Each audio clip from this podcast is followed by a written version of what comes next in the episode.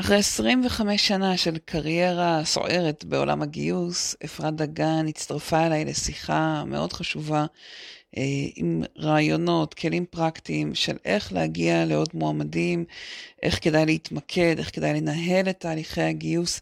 אפרת דגן היא האורחת שלי בפרק החדש בפודקאסט גיוס המקצוע. פתיחה ומתחילים.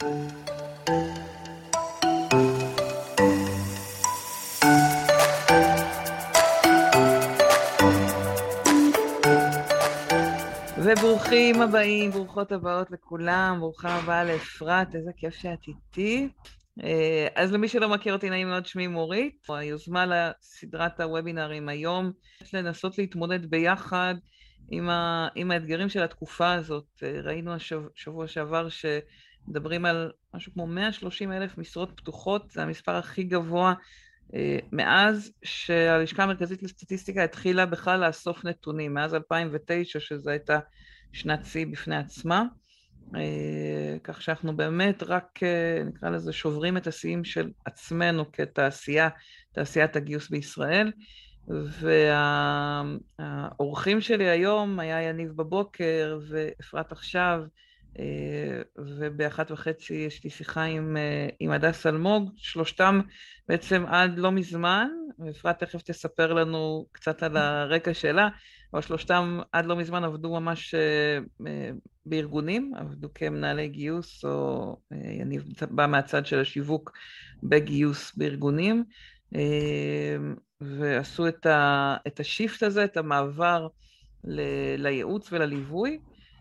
וכבר אה, הספיקו לצבור את הניסיון, אה, אני חושבת נכון, אפרת, את הניסיון ואת ההסתכלות משני העולמות, כלומר גם מתוך הצד של הארגונים וגם כבר מהצד אה, מבחוץ שרואה את כל התעשייה.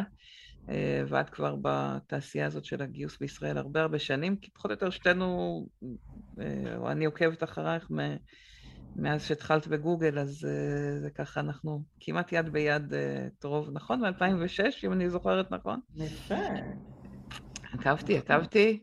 לא תגידי, עשיתי שיעורי בית. בשקט עברו 15, עברו 15, כמעט 16 שנה. כמעט 16, כן. אה, אז אנחנו, אז אנחנו פה באמת כדי לקחת ולתרגם את כל השנים האלה ואת הניסיון.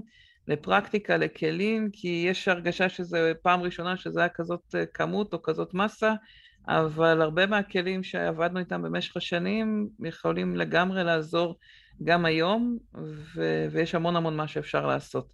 וזאת המטרה היום, לתת ממש כמה שיותר כלים פרקטיים ודברים שאת ראית שעובדים מהשטח אה, כדי להתמודד, אבל שמתי ככה את המספר הזה של 130 אלף משרות פתוחות, אבל אבל בואי תציגי קצת את עצמך ונדבר אחר כך על מה, מה זה אומר השוק הזה ו, ומה את רואה שקורה שם. אבל בואי קצת קודם על הרקע שלך למי שלא מכיר אותך, אה, מאיפה את מגיעה.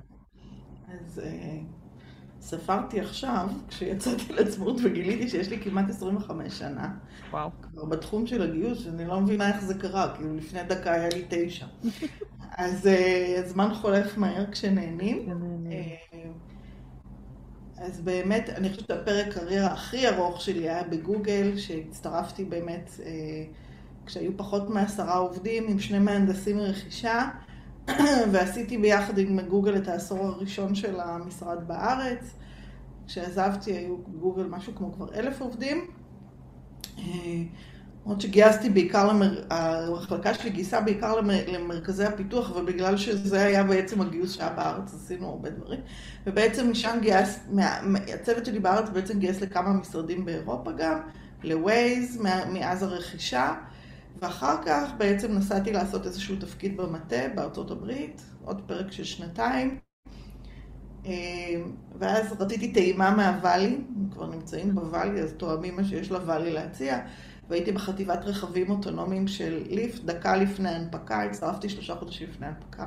ראיתי את כל התהליך שעובר על החברה בהכנה להנפקה, למרות שזה כבר שלושה חודשים, זה כבר הקצה שלו. פינאלה.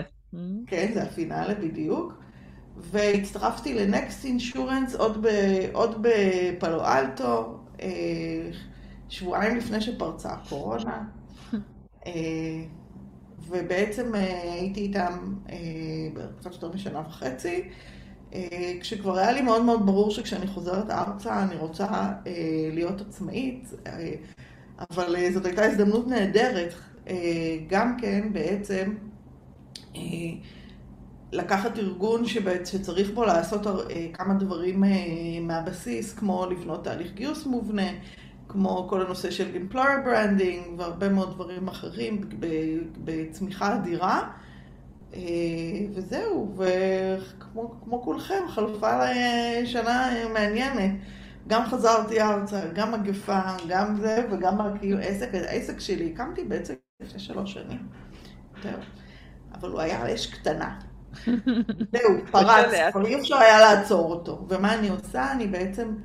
אה, היום מלווה ארגונים, מנהלי, בעיקר ארגונים, מנהלי גיוס, אה, אה, מנהלי משאבי אנוש, מנכ"לים, מי שצריך, בעצם בצד האסטרטגי של הגיוס, בכל מה שקשור לתוכניות גיוס, במדידה של גיוס, בתכנון המחלקה, קואוצ'ינג של מנהלי גיוס, כל מה שקשור לדברים האלה. אני יכולה להיות חבר סודי שלוחש באוזן. אה, ונותן מהניסיון שלו, אה, ואני בטוחה שזה רק ההתחלה. עברו שבועיים, אני לא יכולה להגיד הרבה, עברו בסך הכל שבועיים, אבל, אבל מאוד כיף לי ואני מאוד עסוקה, ואני חושבת שזה, כמו שאת אומרת, זה טיימינג מטורף בשוק, שוק רותח. אז בואי, בואי אה, תגידי לנו קצת על זה, על מה את רואה, כי אמרת, אז כאילו שבועיים בחוץ, אבל את כבר. לפני דקה ראיתי מבפנים. זהו. לפני שנייה ראיתי מבפנים. אני רואה שוק שבו, אני יכולה לדבר יותר על שוק הטכנולוגיה, אבל אני חושבת שבכלל יש את החוויה הזאת בשוק, אה, בנושא בעצם שכאילו כמות המועמדים בשוק כאילו פחתה. וזה משהו שאני לא חושבת, זאת אומרת, תמיד קשה למצוא מועמדים טובים, זה לא משהו חדש. נכון. אבל כאילו הכמות האובייקטיבית של המועמדים שמסתובבים בשוק אחרי הקורונה הצטמצמה מאוד. וכאילו ההרגשה, אני חושבת, של כל מי שאני מדברת איתו, ואני לא, ויש פה הרבה אנשים שאני מכירה, והרבה אנשים שאני לא מכירה, אבל אני בטוחה שכולנו חווים את זה, שכאילו ההרגשה היא שאנחנו מלקטים אה, פחות או יותר אחד-אחד, כאילו, את המועמדים, מלחמה מאוד מאוד קשה. ביום יום אנחנו ממש מרגישים בתוך איזה אה, אה, קושי אדיר לגייס, ואני לא מדברת על... כי... בסופו של דבר אני בטוחה שהרבה מאיתנו איכשהו עומדים ביעדים, אבל ההרגשה היא שזה משהו קשה הרבה יותר ממה שזה היה אה, בעבר, גם בתקופות... אה, ו, ו, וכאילו מס, מספרם של המוחלט של המועמדים שנמצאים בשוק כאילו קטן יותר. אני לא יודעת להגיד אם זה באמת נכון או לא, אבל זאת ההרגשה לפחות. יש לך איזו הבנה למה זה קורה, או שזה... יש לי השערות okay. אה, אוקיי. שהן לא בהכרח מדויקות. למשל, אחד הדברים שאני חושבת שקרו, מעבר לזה שעד בעצם ש... קודם כל המחל... המגפה לא חלפה, כמו שאנחנו יודעים, היא לא, היא לא טורחת לעזור, וזה אולי גורם עדיין להרבה אנשים לבחור שלא להחליף עבודה בעת הזאת. אה, פחות, רוצ... פחות משתתפים במשחק הזה של הכיסאות אה, כן. מוזיקליים. אני זוכרת שכתבתי פעם על מיתונים, וזה היה סוג של מיתון, כן? אז ש, שמה שקורה במיתון, בדרך כלל כאילו יש אה, אה, צמיחה, ורוב המשרות שקיימות בשוק הן מזה שאנשים משחקים כיסאות מוזיקליים. מישהו זז, מתפנה מקום במקום מישהו אחר. כן. ועדיין יש הרגשה שכאילו, אה, עד כאילו עכשיו היה מין הרגשה, כל הזמן אומרים The Great Resignation, 70% הולכים להחליף את העבודה שלהם, שזה נשמע כאילו מטורף, ואני לא יודעת, אולי מוגזם, אבל, אבל, אה, ואני לא חושבת שאנחנו עדיין מגיעים בארץ כאילו לרמות האלה של התחלופה, אבל יש, הייתה מין הרגשה שאנשים כאילו מאוד נרתעו מלהחליף עבודה בתקופה הזאת, כן, להשתתף במשחק, כי מה אני אתחיל לעבוד מרחוק, אני לא אכיר את האנשים, יש לי את המקום שאני רגיל אליו, אני לפחות יודע מי הם, אני כבר, מערכת יחסים עובדת, גם מרחוק וזה. זה דבר אחד. עוד, יש לי, אבל אני לא יודעת אם זה עדיין המצב. אני חושבת שדבר נוסף, זה שקודם כל כמות הכסף, כמות החברות שמבשילות, המון חברות הנפיקו, המון חברות, פשוט יש המון המון אופציות, יש הרבה יותר דרישה מאשר פעם הייתה. וחברות יכולות לשלם יותר, אז פשוט המלחמה על כל מועמד הרבה יותר גבוהה. ועוד דבר שאני, זה כאילו אני שמה על זה כוכבית, אה, זה שאני חושבת שגם משהו השתנה בצורה שבה אנשים עובדים. למה אני מתכוונת? הצורה הזאת של עבודה מהבית, היברידית, לא יודעת איך שתקראו לזה, אולי גורמת לאנשים לחשוב אחרת על מה זה העבודה מבחינתם ואיך הם עובדים. ואני לא מדברת רק על הדבר הזה של, אה, של ללכת למשרד, לא ללכת למשרד, כל הדברים האלה. אני מדברת על זה שפתאום אנשים יש להם חופש יותר גדול ביום העבודה שלהם גם לעשות דברים אחרים. כבר נתקלנו באנשים שעבדו בשתי עבודות, ללא אישור. שיהיה ברור. כלומר שהמעסיק שלהם לא יודע והם עובדים בשני ארגונים? כן, אני קראתי איזה מאמר של ג'וש ברסין האגדי, שהוא כתב שחלק מההיעלמות של כוח עבודה הוא כי אנשים התחילו לעשות יותר פרילנס, והם לא בהכרח מצהירים על זה. אז יכול להיות שנתח מהשוק, זאת אומרת, העובדים שלכם פשוט נותנים חלק מהזמן שלהם לפרויקטים, פרויקטים צדדיים, כל מיני דברים אחרים, או שהם כאילו זמינים אבל בתור פרילנס למשהו אחר. הם מצליחים איכשהו לעשות גם וגם וגם, ו... וזה אולי מסביר גם כן איכשהו את זה שהשוק פתאום כאילו הצטמק, כן? אבל אני עוד פעם אומרת, אין לי פה דאטה, אז קשה לי מאוד להגיד אם זה נכון או לא. אז, אז, זה, אז בואי, אני, בואי נסכים על זה שיש, את, את מתארת איזושהי חוויה שונה, או נקרא לזה של סוג של ואקום כזה, של מחסור. באנשים מאוד גדול, ודיברנו, כשהתכוננו לסשן היום, דיברנו על זה שמצד אחד עסוקים הרבה ב... נגיד במיתוג או בפעילויות שהן מאוד מאוד חשובות של למשוך אנשים, אבל אחרי זה כשאותם אנשים מגיעים לארגון לא תמיד אה, בונים את התהליך שקולט אותם נכון. אז, אה, אז בואי נתחיל דווקא כן. מהסוף, כאילו, מה, מה קורה בתוך הארגונים, ש... מה את רואה שקורה בתוך הארגונים, בתוך אני, המצב הזה? אני מסתובבת ואני רואה אה, אני רואה קודם כל קושי במדידה. זאת אומרת, אני רואה ש, שבעצם אה, כאילו כל הנושא הזה של בעצם איך לדעת אם התהליך שלנו פרודוקטיבי, אם האיכות של הגיוס שלנו טובה, הוא כזה... כי אני מרגישה שאנשים נורא נאנקים להביא את המועמדים, והתהליכים, אוקיי, אז כאילו מה שיוצא מהתהליך אני מרוצה, וכשבתהליך עצמו אה, גם הולכים לאיבוד המון מועמדים.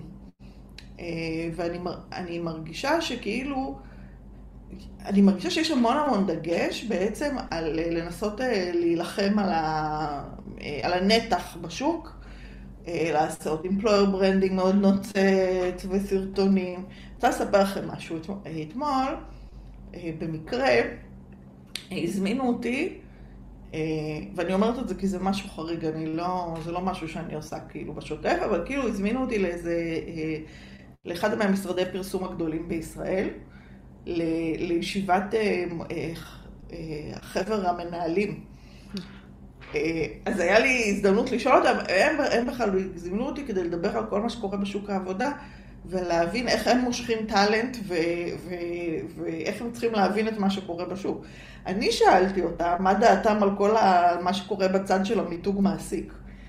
אה, כי אנחנו רואים פה השקעה חסרת תקדים, כן? תסכימו איתי כל הסרטונים וזה, וגם יש איזה מין לחץ, כאילו להוציא יותר כסף, ו- ושלטים באיילון, ובמקום בר רפאלי יש... אה, יש כל מיני מהנדסים שאני לא יודעת איך לאכול את זה. יש שלטים של מהנדסים באיילון, או של כל מיני זה, והלוחות של אוטובוסים וכן הלאה. עכשיו, דיברתי איתם על הדבר הזה וזה. עכשיו, כאילו, לי ברור שזה לא עוזר לגייס. מיידית. זאת אומרת, זה חלק מאיזו תשתית של מודעות, של אולי עזרה, שאתה כבר פונה למועמד, הוא שמע את השם, אז אולי זה ככה עוזר לו יותר אה, להיפתח לשמוע.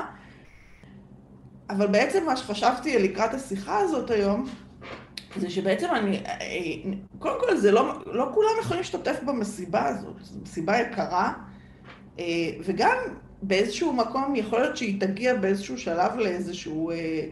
אמ, להיות מחרישה, כן? מרוב אה, רעש, גם ככה אני מרגישה את זה, זאת אומרת, יש מלחמה על תשומת הלב, וכאילו כמה אפשר, אה, כן? זה כמעט מרגיש לי כבר איזה סוג של צעקה, כן?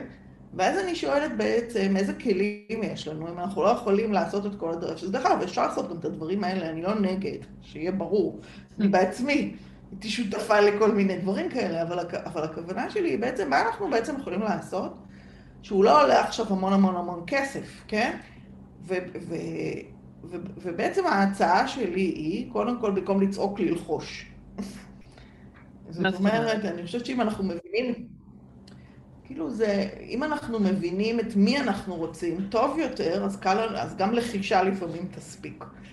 אה, לא תמיד צריך לצעוק, אבל אני לא... אני בטוחה שהחברות שהשקיעו קמפיינים ועדיין משקיעות אז הם כאילו חשבו מאוד מאוד טוב ולא מוציאים כזאת כמות של כסף בלי אה, אה, לחשוב טוב טוב אבל בואי, בואי, אבל, אני, אני, לא אבל, אני, אבל אני רוצה רגע לקחת דווקא משפט שאמרת ורשמתי לעצמי אותו כי הוא כן. בעיניי מאוד מאוד חזק ואת אומרת בתהליך עצמו כן. הולכים לאיבוד המון המון מועמדים ואני חושבת שזו תובנה מאוד מאוד חשובה שחשוב ל, ל, להבין אותה ושאלו פה, אותי פה גם בסוגריים אם את יכולה לדבר על חבר מביא חבר, למה אנשים לא מעבירים אה, קורות חיים כשיש אה, בונוסים אה, לא רעים. אז, אז נדבר עוד מעט על העניין, מה הפסיכולוגיה של הבונוסים, שיש לי הרבה מה להגיד עליה. גם, אבל בואי רגע ננסה להבין את המשמעות של המשפט הזה. בתהליך עצמו הולכים לאיבוד הרבה מועמדים. איפה את רואה שאנשים הולכים לאיבוד? כי אז לא משנה מה עשינו בחוץ, אם משכנו אנשים אבל הם הלכו לאיבוד, אז כאילו לא עשינו בזה כלום. אני אגיד אמירה כללית. אני חושבת שבדרך כלל בארגונים, כשאנחנו מתחילים למצוא את מי שהם צריכים למצוא, אנחנו פחות עסוקים באפקטיביות של התהליך. אנחנו מצאנו, אף אחד לא שואל שאלות, כאילו בסופו של דבר כשהמשרות מתמלאות, כולם מרוצים, אף אחד לא יבלבל את המוח, לא ישאלו אתכם יותר מדי על התוכנית גיוס שלכם. תוכנית גיוס נמדדת במידה והיא מצליחה. עכשיו, למה אני מתכוונת? אני מתכוונת איפה, הולך, איפה הולכים לאיבוד מועמדים. אנחנו מתייחסים הרבה פעמים לתהליך גיוס שלנו, ואני אומרת אנחנו כי אני אחת מכולם, כן? כן נתון.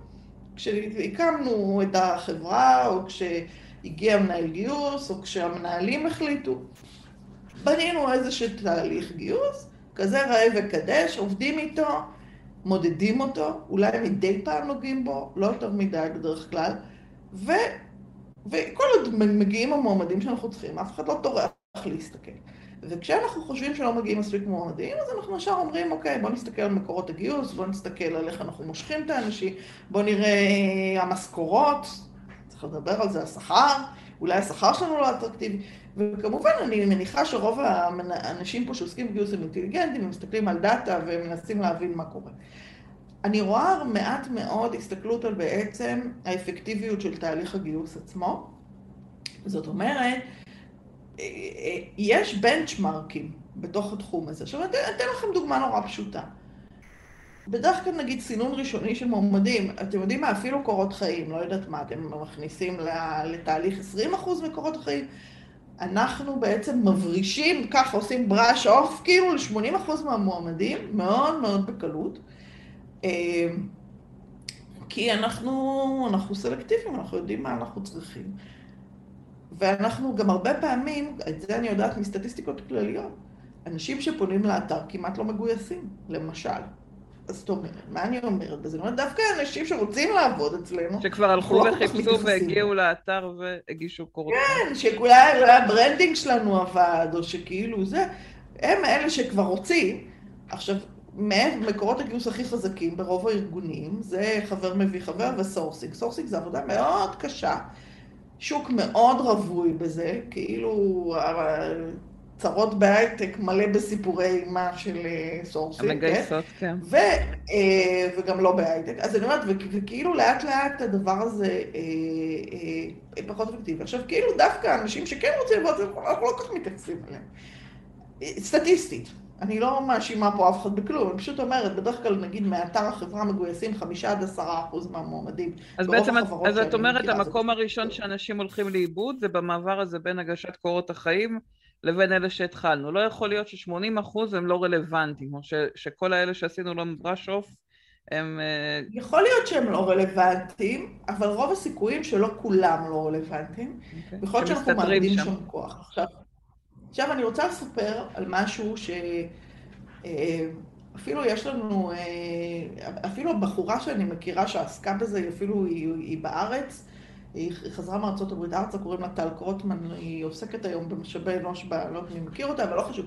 כשאני הייתי במאונטן ויו לפני כמה שנים, הייתה, ב, הייתה קבוצה בתוך המחלקה שבעצם התעסקה, עכשיו זה מספרי ענק, מחלקה שבעצם עוסקת בסינון קורות חיים בגוגל, היה צוות אחד שמה שהוא עשה היה בעצם לקחת חלק מקורות החיים, הצידה, של אנשים שלא נראים מתאימים, אבל אולי גם לא, לא מתאימים, שהקורות חיים שלהם אולי לא כתובים כל כך טוב או לא ברורים, או שאולי ככה שאנחנו נורא ממהרים, הרי אנחנו מסתכלים שתי שניות ונקסט, והצוות הזה, התפקיד שלו היה בעצם להתעכב עוד קצת על הקורות חיים האלה, ולפעמים לדבר עם אותם אנשים ולנסות לראות מי מהם יכול בכל זאת להתאים. עכשיו, כמובן לא חזרו לכל ה-80 אחוז, אבל נניח פילחו 10 אחוז שהם אולי קצת, אה, פשוט לא יודעים אם הם מעניינים או לא. לא שהם לא מעניינים, כאילו פשוט חסר מידע, זה לא כתוב נורא טוב, הם לא, לא מבינים מה הם, נראים חייזרים, סליחה, כן? ופנו אליהם ו, ופשוט העשירו את המידע שיש עליהם. Mm. וכתוצאה מזה גויסו, נכנסו עוד איקס מועמדים לתוך התהליך. אז זה רעיון אחד, שכל אחד יכול לעשות, ובעצם לנסות להסתכל ש... על ההחלטות האוטומטיות. שדרך אגב, אני אגיד שהדרך שאני, שאני ראיתי שעושים את זה כי אני בטוחה שחלק אומרים לעצמם, טוב, אין לנו תקציב להשיג צוות שיעבור ויתחיל להתקשר, ואין לנו אנשים, אבל אפילו לשלוח, אה, לא חייבים צוות, כלומר אפילו, אפילו בן אדם, אבל אפילו לשלוח אס.אם.אס אה, לכל האנשים האלה ושאלון דיגיטלי ששואל אותם כמה שאלות או מזמין אותם קצת לדבר, מאפשר לך להסתכל עליהם בצורה טיפה יותר, להעשיר, כמו שאת אומרת, להעשיר את קורות החיים. להבין עוד קצת נכון. מידע, ואולי נגלה עוד פרטים שיבליטו לנו אחד או שניים מתוך uh, אה, 200, זה שני אנשים, זה שתי משרות שיכול להיות שאנחנו נסגור בעזרת כמות של אנשים שנראית לנו לא רלוונטית, לא רלוונטית על פניו. עכשיו, דרך אגב, כש, כשאני מספרת לכם את זה, אני גם נזכרת ש... כשאני מסתכלת לפעמים על פרופילים של אנשים בלינקדאין, אנשים הם מאוד מאוד לא אה, ממושמעים כמו שאני הייתי רוצה שהם יהיו ממושמעים. מבחינתי, בלינקדאין הייתי מצפה שהם יכתבו בעצם את כל מה שהם עשו, כדי שנמצא אותם בקלות, אבל הם לא טורחים לעשות את זה. תחשבו על כמה פרופילים אתם עוברים, שבעצם הם חושבים שהם לא מתאימים, והם כן מתאימים. בקיצור, מה שאני מנסה להגיד בכלל, כל התהליך הזה שאנחנו לוקחים אותו כמאוד נתון, ושאנחנו יודעים מה אנחנו עושים בו, יש בו הרבה נקודות כאלה. עכשיו נגיד בנקודה הבאה, אוקיי? נגיד בתהליך הרעיונות, גוף תהליך הרעיונות. לא משנה איך נראה תהליך הרעיונות שלכם, כל אחד והצורה שלו. נניח שאתם מסתכלים ועשרה אחוז מהמועמדים בלבד מתקבלים, אני מדברת על משרות שאולי אתם מגייסים הרבה מהם, או בכלל הממוצע של כלל המשרות, כמה מועמדים מתקבלים. בתהליכים שנחשבים בריאים, ואני לא מסתמכת פה על עצמי, אלא על הקהילה הגדולה של הגיוס בעולם, אה, הגולדן ריישיו, כן, כאילו היחס זהב מדבר על אחד מארבעה מועמדים שמגייסים. זאת אומרת, 25 אחוז. עכשיו, בארגונים שאני עבדתי בהם, כן, בדרך כלל מגייס מאוד מאוד מנוסה, היה מגיע ליחס לפעמים אפילו של 1 ל-3 מועמדים גייסו. מועמדים עם כמה שנות ניסיון שהם כבר ככה מלוטשים, היו מגיעים לאחד לארבע. שאת מדברת מהמועמדים אה, שהם qualified? כאילו מהמועמדים שהם אה, רלוונטיים או באופן כללי? מועמדים שעברו סינון, הגיעו לליבת הרעיון, שהיום היא נראית קצת אחרת בגלל הרעיונות זום, אבל. כאילו, נגיד, אתה לוקח את כל הסטטיסטיקה של נגיד מי שהגיע לתוך התהליך, לרעיונות, כאילו, לליבת הרעיונות. ועד נגיד שלב ההחלטה, אוקיי? נגיד אה, החלטה או הצעה, כן? כמה מועמדים בעצם מקבלים אה, אה, הצעה מתוך כלל המועמדים שראינו? זה, זה הריישיו שאני מדברת. זה הריישיו, מעולה. אוקיי. עכשיו, ברוב הארגונים שאני רואה, אנחנו איכשהו נעים סביב ה-10, 11, 15, 17 אחוז, כן? 17 זה כבר כאילו מאוד יפה. ב, ב, בין ה-10 ל-25 אחוז יש המון המון המון אה, מרחב של מועמדים שהולכים לאיבוד. עכשיו, איך אני יודעת שהם הולכים לאיבוד? אנחנו משוכנעים שאנחנו בוחרים אותם מעולה. כי החברה שלנו עובדת ומצליחה, מה, לא יכול להיות שאנחנו עושים טעויות. אז מדברים פה על טעות מסוג שתיים, שהיינו צריכים לגייס אבל לא גייסנו. לפעמים בשוק שופע, שבו אנחנו ככה מסתובבים כמו מלכים, אז כאילו זה באמת לא משנה, כן? כאילו, אז לא משנה, אז לא אכפת לנו שאנחנו מועמדים, אבל בשוק כמו היום, שנורא קשה להביא את המועמדים ולמצוא אותם ולסגור אותם, אנחנו צריכים לשים לב שהתהליכים שלנו הם תקפים והם עובדים כמו שצריך. עכשיו, מאיפה נגררת הבעיה הזאת? זאת אומרת, נגיד, לאן הלכה חצי מיעילות תהליך הגיוס? מזה שבעצם השאלות שלנו לא מהודקות. מזה שתהליך שלנו לא מובנה. כשאני מדברת על מובנה, זה לא אומר שאנחנו שואלים אה, את השאלות לפי סדר מסוים ואנחנו יודעים מי מראיין. זה לא תהליך מובנה. תהליך מובנה זה תהליך שבו יש איזשהו תהליך קבלת החלטות שקול, שבו אנחנו מבינים איך הוא מכוסה וכן הלאה. סוג השאלות שנשאלות, ההכשרה של המראיינים. אה, בקיצור, כל attention, ועכשיו אני אגיד משהו חתרני, כאילו זה נראה נורא, איך בכלל יודעים מה לעשות שם, כן? אבל כל תשומת לב שאתם תיתנו לתהליך בנקודה הזאת, ייתן לכם דיבידנדים בתהליך הגיוס. זאת אומרת, אם אתם מסתובבים במספרים שהם לא כאלה, יש לכם עבודה שם, נקודה. יש שם עבודה. עכשיו, במה לגעת? אפשר לנסות להבין, כי על ידי גם שיחה איכותנית, מסקרי מועמדים, כל מיני דברים.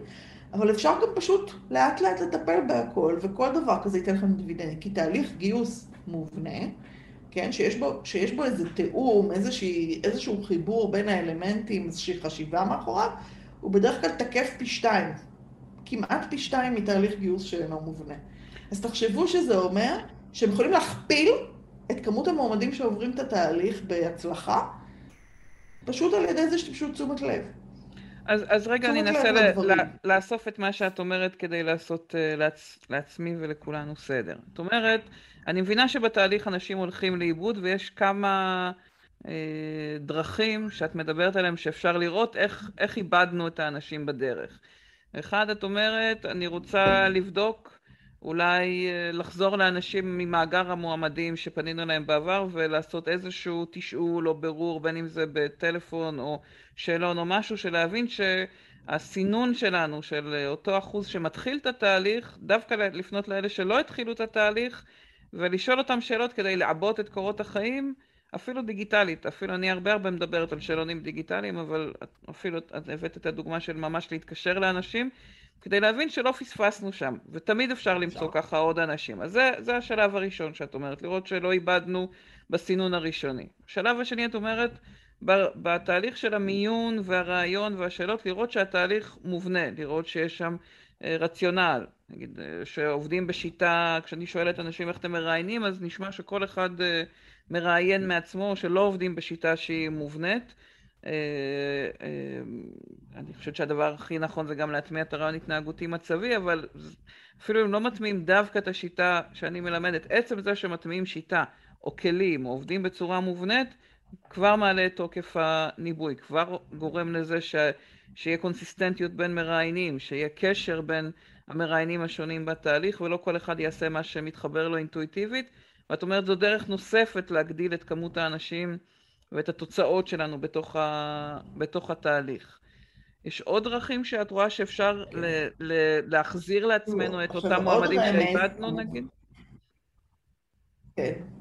רגע, ועוד רמז לדבר הזה, זה למשל, אם מכלל האפליקציות אתם מגייסים, אה,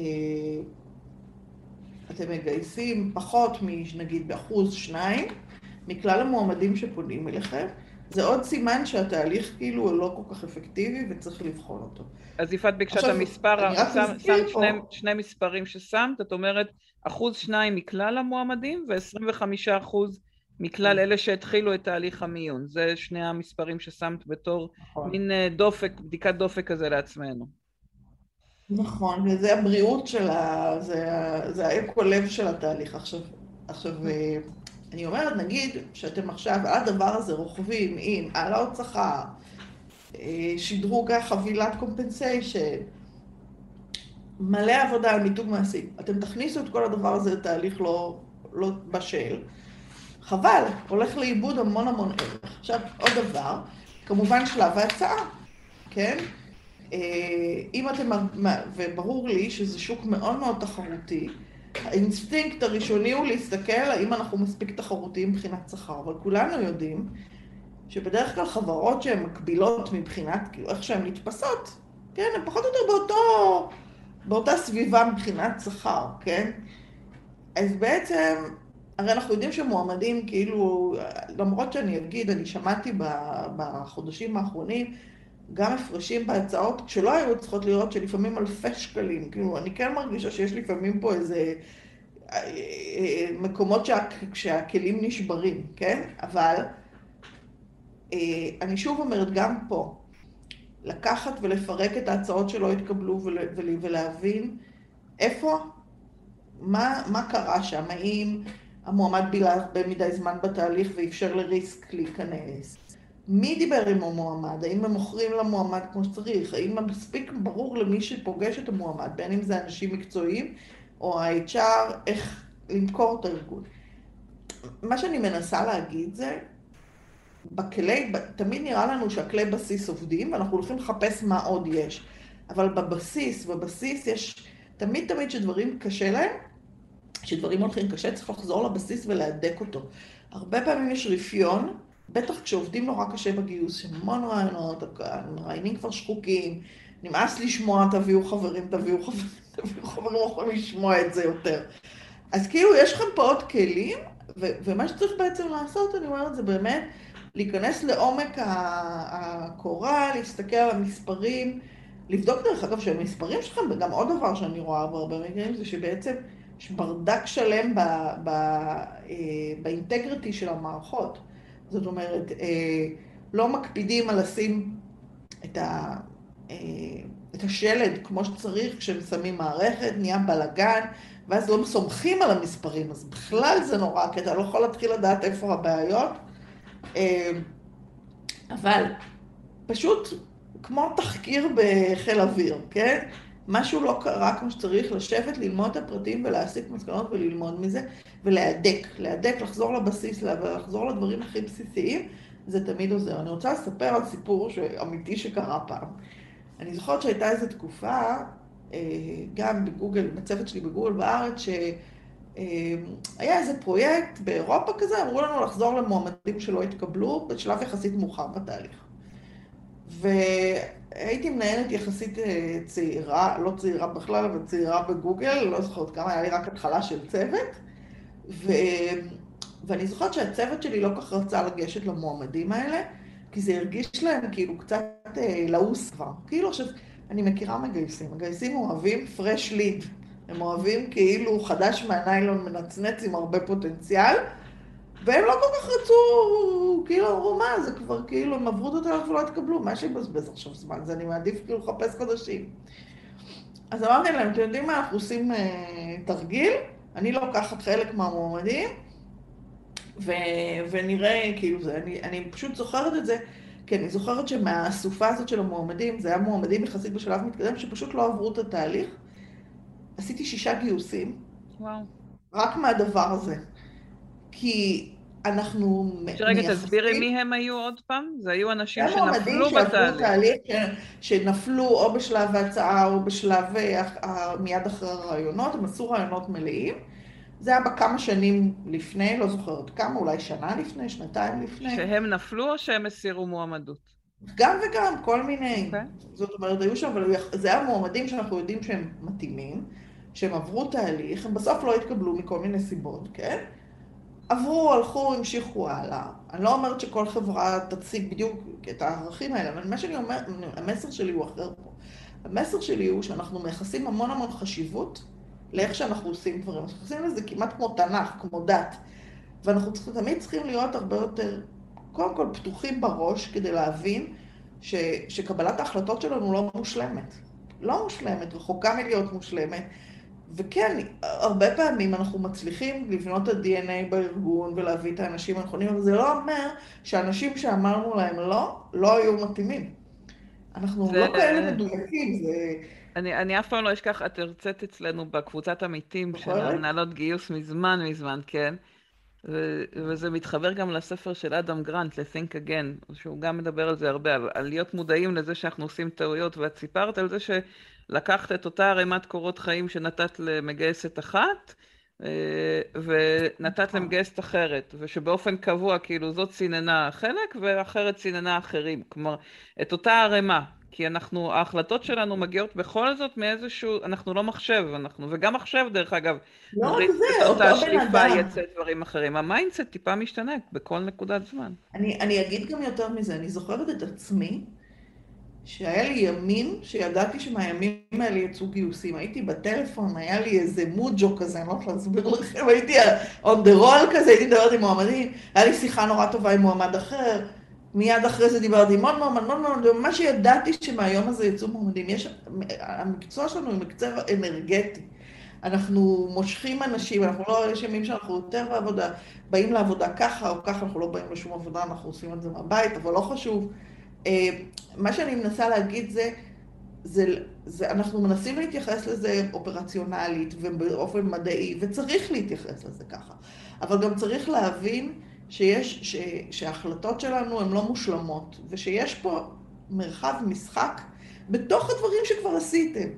במקום ללכת, אתם יודעים, ללכת עכשיו, כאילו, אני הייתי מתחילה מהתהליך גיוס בכלל, כי אני אומרת, לזרות מלא כסף לתוך תהליך גיוס שהוא לא יציב, אני מפחדת, אני אומרת לי, לאבד פה מועמדים. עדיף לי להשקיע קודם כל שהתהליך הוא יהיה כמו מכונה כזאת משומנת שעובדת כמו שצריך, ואני יכולה לסמוך על זה, וזה גם לא לאורך זמן. זאת אומרת, עוד שנה זה יעבוד, יתחלפו אנשים, יתעייפו אנשים, אה, ו, אה, וכן, שווה לעשות לפעמים את העצירה הזאת של הזמן, אני רואה שטל כתבה לי משהו, תכף אני אענה לך טל. ולראות. עכשיו, טל, את אומרת שזה עוד משאבים. כל זה משאבים. כל העניין הוא פשוט, האם עדיף לך להוציא את ה-80 אלף על שלט חוצות? או להוסיף כאילו מישהו לצוות כדי לבנות אבל אותו. שנייה, אני כן רוצה להתייחס לשאלה כמו שטל מנסחת, כי זה נשמע אולי, כאילו כן. את אומרת, תעשו את הכל פעמיים, שלוש, ארבע, כי אולי פספסנו בפעם הראשונה. לא, לא, לא. ואפרת מדברת על להדק את התהליך. אני אתן לך דוגמה, שעזרתי לאיזה ארגון, חזרנו למועמדים מהעבר, הוצאנו אס.אם.אס לקבוצה מאוד מאוד גדולה, ו... ו...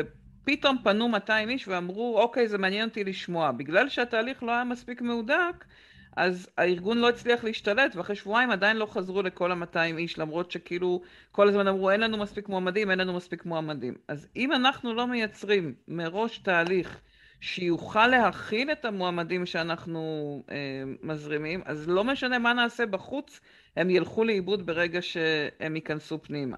ולכן העבודה שאפרת מציעה היא קודם כל להתחיל על התהליך, לראות שהתהליך מספיק טוב, מסוגל להכיל, עובד נכון, מדייק, לא מאבד כמות גדולה של אנשים בדרך, שהוא בודקים אותה מכמה זוויות, ואז לעשות מהלכים. דרך אגב, אפשר לעשות גם וגם, רק צריך להיות ערים לזה שזה...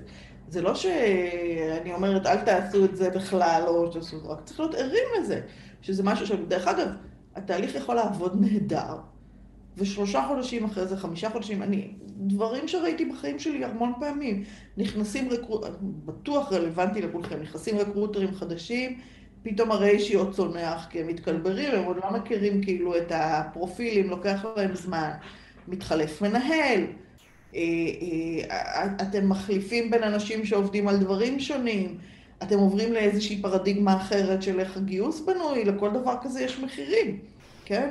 אז כאילו, בלייף סייקל שלנו כמגייסים, אנחנו, אנחנו כל הזמן צריכים לנהל את הדבר הזה, אנחנו, אה, אנחנו כל הזמן צריכים לעקוב אחרי זה, זה לא שכאילו עושים זבנג וגמרנו, נגמר.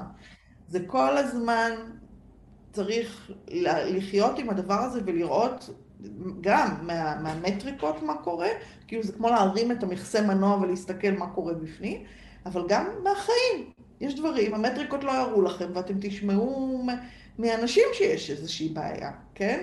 או מהרקרוטרים שיש איזושהי בעיה, או וכן הלאה. אז אני אומרת, יש פה, זה, אתם יודעים, זה work in progress, זה לעולם לא נגמר, זה, זה הפטנט, כן? אז בואי נחבר את זה רגע לשאלה מההתחלה על החבר מביא חבר. כן. כלומר, אה, Okay. אוקיי. והשאלה שנשאלה הייתה, איך יכול להיות שלמרות שהעלינו תקציב ושאנחנו נותנים בונוס לא רע, עובדים לא מביאים חברים? מה, מה מהניסיון שלך? אז, מהניסיון אני, שלי זה דווקא בגלל שהעליתם תקציב, אה, זה, זה הסיבה שאנשים לא מביאים, אבל אה, נדבר על הפסיכולוגיה תכף. אני אספר, אה, כן, אפשר לדבר גם על זה, אבל אני אספר אה, ש, אה, שלושה דברים ש... מה, מהניסיון שלי ממש לאחרונה בנקסט. Okay. אוקיי. אחד, באיזשהו שלב העלינו את הבונוס. מאוד. אז כאילו זה נתן בוסט, אבל אחר כך שילמנו על זה בריבית דריבית, וכבר הבונוס שנתנו כבר לא הלהיב אותם. עכשיו, הדבר הראשון שהייתי הולכת, ל... יש פה שני טיפים בשבילכם. אחד, א', תשאלו את העובדים מה הם רוצים. אני גיליתי למשל שהעובדים מרגישים שלא נשאר להם הרבה בכיס עם המס והכל, וזה כאילו הם קצת מתבאסים, מה... כאילו הכסף זה לא העניין, זה כאילו הם כבר מקבלים בונוס, אבל מהבונוס הם לא נהנים. עכשיו זה לא עניין שתיתנו להם פי שתיים. זה עניין של בעצם האם בונוס זה הדבר הנכון, ואני אתן לך אחרי זה לספר אה, על המחקר בתחום אה, מורית. אבל מה שרציתי להגיד, הדבר הראשון שהייתי עושה, זה הייתי הולכת ושואלת אותם מה, מה כאילו החוויה שלהם, כל העניין הזה של החבר מביא חבר. הרבה פעמים מה שקורה זה שאתם הלכתם, ביקשתם מהם להביא את החברים שלהם, הם הביאו את החברים שלהם. Mm. החברים שלהם נכנסו לתהליך גיוס שלנו, כן? התהליך גיוס שדיברנו עליו קודם הוא אחד אחר, אולי יותר הדוק, ובסופו של דבר הם יצאו עם חוויה לא משהו. או הם, או החברים שלהם, ובסופו, והם נורא נורא התאמצו, הם הביאו לכם את הבן אדם שהם הכי מאמינים בו, שהם עבדו איתו וזה, והבן אדם הזה לא התקבל. זה מוריד מוטיבציה, אחד. מאוד מאוד מאוד חשוב, הרמת שירות של, שכאילו כשעושים קמפיין של חבר חבר, חשוב לייחד לזה זמן ולהגיד, אנחנו נחזור אליכם תוך איקס ימים, לחזור לכל אחד באופן אישי ולהסביר מה קרה, כי אם לא, אתם פוגעים במוטיבציה שלהם להביא שוב, ורוב הסיכויים שקורה שם משהו סביב הדבר הזה. זאת אומרת, אפילו לא בטוחה, זה הכסף, זה עניין של בעצם, יש איזה כאילו... אבל הבאתי את החבר שלי ולא לקחתם אותו, אז כאילו, מאיפה אתם חושבים שהם? אין לי כל כך הרבה. הבאתי לו את הכי טוב. זה רמת שירות לשני האנשים, זה גם למועמד וגם נכון. לעובד שהוא החבר שלו שהביא, עובד אז זה דבר אחד. דבר שני, עוד דבר ש... שעשינו ביניהם, אז קודם כל, למשל, לקחתי לפרק זמן, והתחלנו לחזור באימייל, אני יודעת שזה אה, הרבה עבודה, אבל חזרנו לכל אחד שכאילו לא אה, הפנה חבר והסברנו מה קרה. לא ברמת פירוט מטורפת, אבל נתנו איזשהו הסבר כדי שאנשים... דבר שני, הוצאנו סקר ושאלנו אותם אה, מה הם רוצים לעשות, אה, מה הם רוצים לקבל. לקבל. הם אמרו לנו כסף דרך. הם אומרים תמיד כסף, אבל זה לא מה שעושה את העבודה, אני תכף אוקיי, אגיד על זה. אבל אני אספר שעשינו קמפיין, אני לא יודעת אם הוא כבר יצא לאור, כי אה, הוא היה אמור לצאת לאור אחרי שאני כבר עזבתי, והחלטנו לעשות קמפיין מביא חבר מביא חבר, שמה שיוצא ממנו זה חוויות ולא כסף. אז מה שעשינו, זה אמרנו לעובדים, כל אחד, אנחנו נממש שבעה, לא יודעת מה, עשרה חלומות, ב-X כסף, לא חשוב, כן? כאילו לקחנו את התקציב, וכל אחד מהעובדים היה צריך כאילו להפקיד את החלום שלו, שזה צריך להיות, יש חוקים, כן? זה לא יכול להיות כל חלום כמובן, כן? אנחנו לא נעשה דברים מסוכנים או לא חוקיים, אבל כאילו הוא היה, הכניס כאילו את החלום שלו לאיזה קופסה, ו, ומי שהחבר שלו התקבל זכה לממש את ה... אנחנו שנממש לו את החלום, כן? אז כאילו הפכנו את זה להיות חוויה שהיא זכירה, שהיא משהו מיוחד, והרבה פעמים מה שקורה זה שאנשים כאילו עם ה... עם החבר מביא חבר, זה נכנס להם לשוטף, הם מממנים בזה כל מיני דברים שהם לא זה, והם לא נהנים לא בסוף מהדבר הזה, ואז זה בעצם מאפשר לעקוף את זה. אבל הכי הכי חשוב עם הדבר הזה, יותר חשוב להם שהחברים שלהם יתקבלו, לקבל תשובה, ושיתייחסו ויסבירו להם. וגם זה גם עוזר לכם, כי אתם בעצם מלמדים אותם מה כן מתאים. זה ממש חשוב. אז אני אגיד רגע עוד שני דברים על המחקר. קודם כל הרעיון, כותבים לך פה שהוא מקסים, בעיניי גם לגמרי, ממש אה, אהבתי מאוד. ואני אגיד שני דברים חשובים על חבר מביא חבר. אחד, אם תיכנסו לאתר למורית co.il, אז את כל הקורס של חבר מביא חבר שעשיתי לאחרונה, העלינו לאתר במתנה בחינם. אז אתם יכולים ממש לגשת אליו קורס של אה, חמישה מפגשים שהיו עם הרצאות ארוחות מחמישה ארגונים, אה, גם אלמנטור, גם וויקס ודנאל ועוד אחרים, שממש הביאו את הסיפורי ההצלחה ואת התהליכים שלהם, אז אתם יכולים פשוט להיכנס ולראות את הקורס, אה, שממש לא מזמן, לפני כמה חודשיים, שלושה עשינו אותו, אז הוא זמין שם בשבילכם. ואחד הדברים שדיברתי עליו הרבה בקורס זה שהמחקר מראה שהאפקט של הכסף הוא הפוך ממה שנדמה לנו. כלומר, אם תחשב, והדרך שהכי קל לי להדגים זה להגיד, אם הייתי נותנת לך, אם היית עכשיו חושבת על משהו שהתנדבת בעבר, כן? משהו שעשית באהבה, בחינם, אה, פשוט מהרצון הטוב שלך, והייתי אומרת לך, מעולה, עכשיו אני רוצה לשלם לך על זה. זה הרי מרגיש לנו קצת מלוכלך כזה, אבל אני רציתי לעשות את זה בחינם, רציתי לתת מעצמי, לא משנה, ילדים, מבוגרים, נשים, צעירים, אה, אני רוצה לתת מעצמי, מה את פתאום באה ומשלמת לי? זה, המחקר מראה שזה דורס, זה, זה יושב באותו מקום במוח וזה דורס אחד את השני. כלומר, בן אדם יעשה פחות בשביל כסף ממה שהוא היה עושה מתוך איזושהי הנאה פנימית, ולכן אם אתם הולכים לוויקס, תעשייה אווירית, ועוד הרבה מאוד ארגונים אה, מאוד מאוד מצליחים בעולם, הם מתעקשים על חבר מביא חבר בלי תשלום, או אם משלמים אז זה בתוך, בחוויות ולא ב... אה, זה, אבל ממש בלי תשלום, בגלל שבשביל לדחוף את האנשים לעשות את זה, כי הם אוהבים את הארגון ואת העבודה. כי אחרת כשמתחילים לשלם זה נחווה כעבודה, וזה מתחיל אה, לדרוס את המקום הזה, ויש ממש ירידה ככל שמשלמים יותר. אז יש המון המון מחקר על זה, אה, דיברתי על זה הרבה בקורס, אז אני מזמינה אתכם להוריד את המדריך ולראות את זה. כן. מורית, סליחה שהפרעתי. לא, לא זה עשינו באמת, שהם יכלו לתרום את הבונוס שהם קיבלו לטובת כל מיני ארגונים ועסקים קטנים וכאלה, וזה גם קצת מדבר באמת על מה שאת מדברת, על המתח הזה בין כאילו לעשות משהו לשם עשייה טוב. זה וממילא הכסף הזה כאילו בסוף מצטמק ונשאר ממנו... זה לא רק שהכסף מצטמק, זה שכשאת שואלת אנשים, וזה אם דיברת קודם על סקר סביב חבר מביא חבר, אם את שואלת אנשים למה הבאתם חברים לארגון, אני חושבת שאחוז מאוד מאוד קטן, בדרך כלל סביב מה שראיתי כבר כמה סקרים בזמן האחרון, בעקבות הקורס עשינו כמה סקרים, סביב העשרה אחוז עושים את זה בשביל הכסף. 90 אחוז עושים את זה או כי הם רוצים לעבוד עם החבר הזה בתור עובד, או כי הם רוצים לעזור לארגון, אז הם מקדמים פוסטים ועושים זה, אבל זה לא בא מהמקום של הכסף או הבונוס. הכסף או הבונוס, האפקט היחיד שלו זה שהוא מכניס את זה למודעות, שהוא מזכיר לנו, ואם אני אקח את הדוגמה שלך של החוויות והחלומות, אז עצם ההתעסקות, ואת מזמינה אותם לחלום, והם שמים את החלום, עצם ההתעסקות עם זה, זה מה שגורם להם להביא את החברים. זה לא שהם עושים את זה כי הם צריכים את הכסף, או כי הם צריכים את ה... אפילו לא את ההגשמה של החלום, אבל הזכרת להם את זה ועוררת את זה, אז זה יצר מודעות. כלומר, אנשים לא מביאים חבר מביא חבר כי הם לא במודעות לזה. אז ככל שאתם מפתחים דברים שמייצרים את המודעות כל הזמן, כל הזמן, כל הזמן, ונשלים את זה אה, עם אה, אה, תהליך נכון ויחס ופידבק, אז, אז באמת יש יותר סיכוי, ובדיוק כמו שריני כותבת, המוטיבציה הפנימית יותר חזקה מהחיצונית, ואז כשמתגמלים מבחוץ זה אפילו דורס את הפנימית, זה ממש פוגע בה. אז זה ככה, על. למה כשמשלמים זה לא, זה רק מוריד ולא מעלה. נכון. עוד, עוד דבר זה, לאותה שאלה, זה mm-hmm. ש... אני מניחה שרובכם עושים את זה, בעצם אנחנו לא מה שהעובדים חושבים עליו בחבר מביא חבר ומה שאנחנו חושבים עליו זה לא בהכרח אותו סט של אנשים. זאת אומרת, הם חושבים על מישהו שמחפש עבודה, יכול להיות, או אולי לא, כן, אולי גם על אנשים שיכולים להיות מתאימים ולא מחפשים. אה, אני מצאתי שבעצם אה, עוד דבר שעשינו גם בנקסט, וגם לקחתי את זה ככה ממקומות שעשינו את זה בעבר, זה למשל לעשות מין open hour כזה.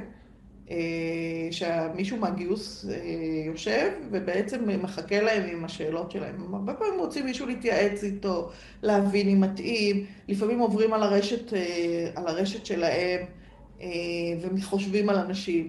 לעתים אנשים שאתם חושבים שמתאימים, הם בכלל לא היו חושבים להגיש. אז זה גם, זה גם דרך בעצם ל... ל זאת אומרת, כמו לינקדאין, כמו לינקדאין פארטי, אבל באחד על אחד, כאילו... אבל בצורה יותר אישית, כן, אפשר גם. לינקדאין פארטיז, אה, גם כאילו אחרי כמה זמן מתעייפים מזה, כן? אז כאילו, מה, מה שאני מנסה להגיד זה בעצם, כי אנחנו בעצם באים אליהם ואומרים להם, תחשבו כמו מגייסים, אבל הם לא חושבים כמו מגייסים. ו, וגם יש את החרשות הזאת של אחרי כמה זמן שאתה אומר כל הזמן, כאילו, תביאו לי, תביאו לי, תביאו לי, תביאו לי, ובסוף כאילו זה, זה הולך לאיבוד איפשהו, אז צריך גם לראות איך, צריך לנהל את זה. צריך לנהל את זה ואפילו לתפור את זה כל פעם כאילו בצורה אחרת ולנסות לחשוב מה מתאים, גם בהתאם לתקופה ולזה.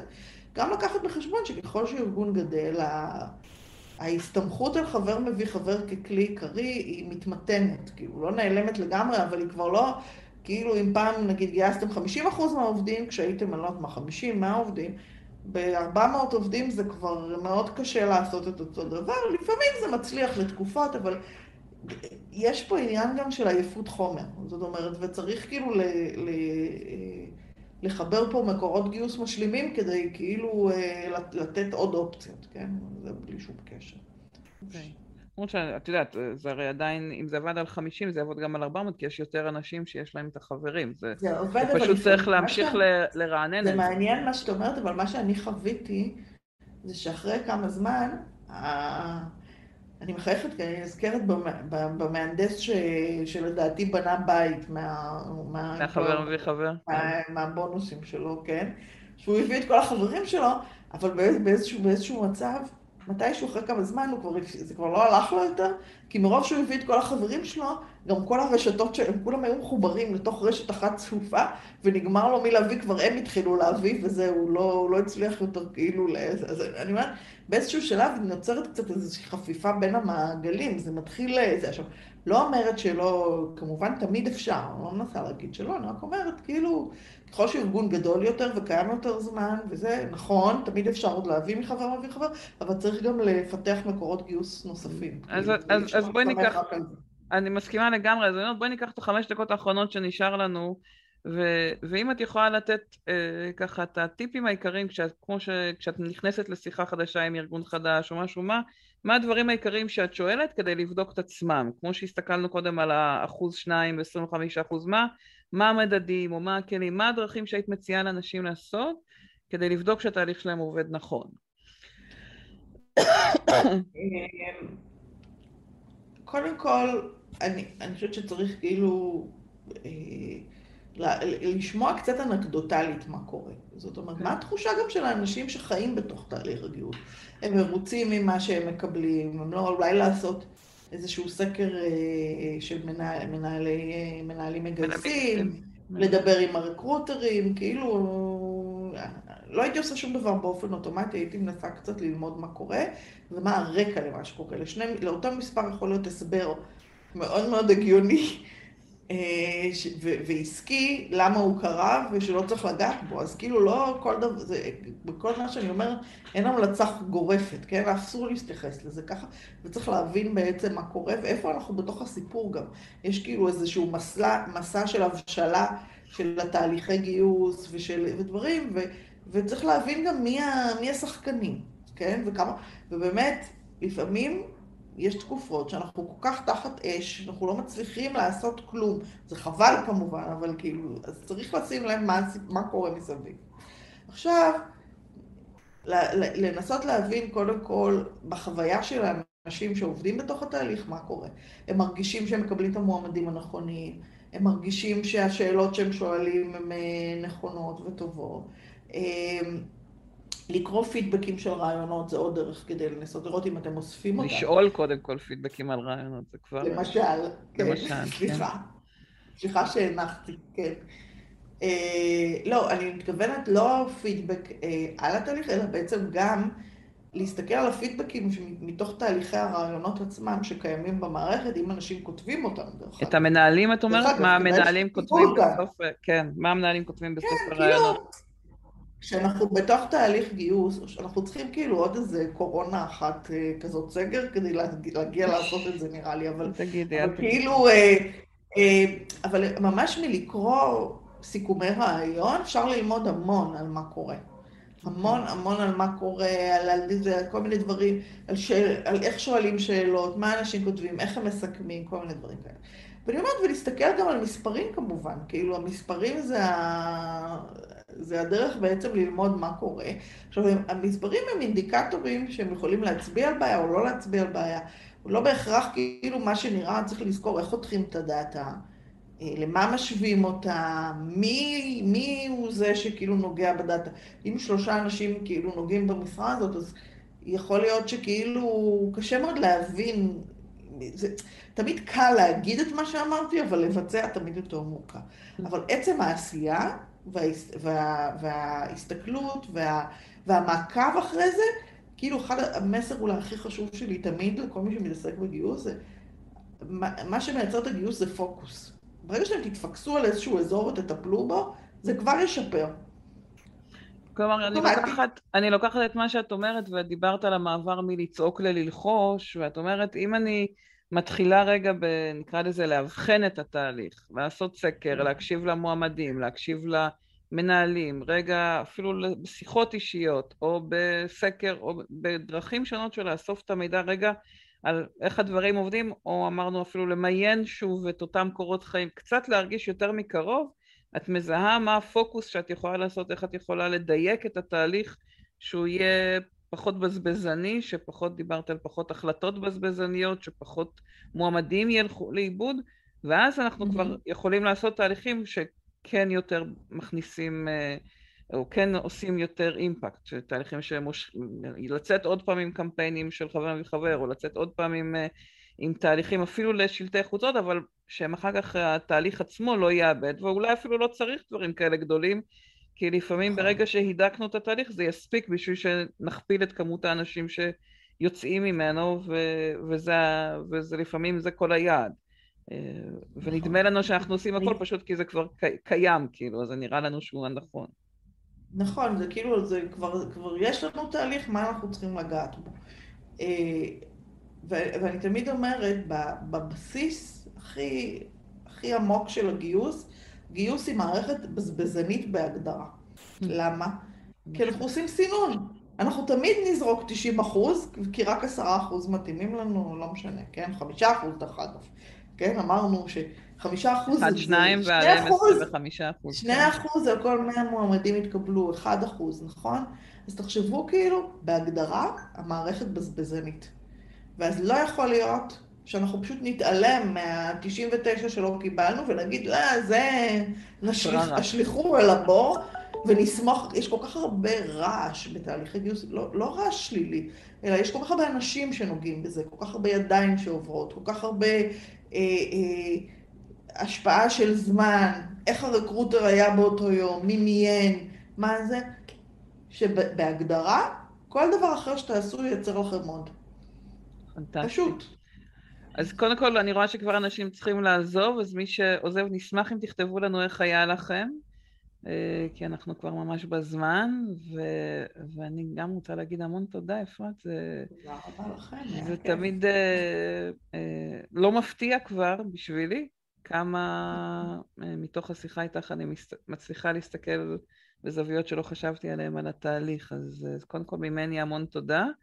והנה כותבים פה גם אחרים שלמרות הרבה שנים בתחום עדיין uh, מצליחים לחדש, אז uh, פנטסטי, ומאוד מאוד נשמח שתכתבו ככה על הפרספקטיבה שלנו, כמה זה בעל ערך וכמה זה... אני אשלח אה, איזשהו וכן. סיכום של מה שאמרתי, כל מי שלא רשם ולא רוצה.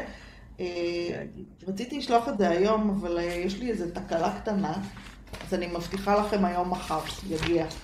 מעולה. אז, אה, אז אפרת תשלח לכל מי שנרשם ומי שהיה פה היום את הסיכום שלה, ואני אוציא גם בסוף היום הזמנה לסקר ולפידבק שלכם על כל היום הזה. ובאחת וחצי תצטרף אל, אליי אה, הדס אלמוג לשיחה, ואני מקווה שתהיו איתנו גם בשיחה עם הדס. אז תודה רבה רבה אפרת, ותודה לכל מי שכתב. היה כיף גדול. ביי לכולם.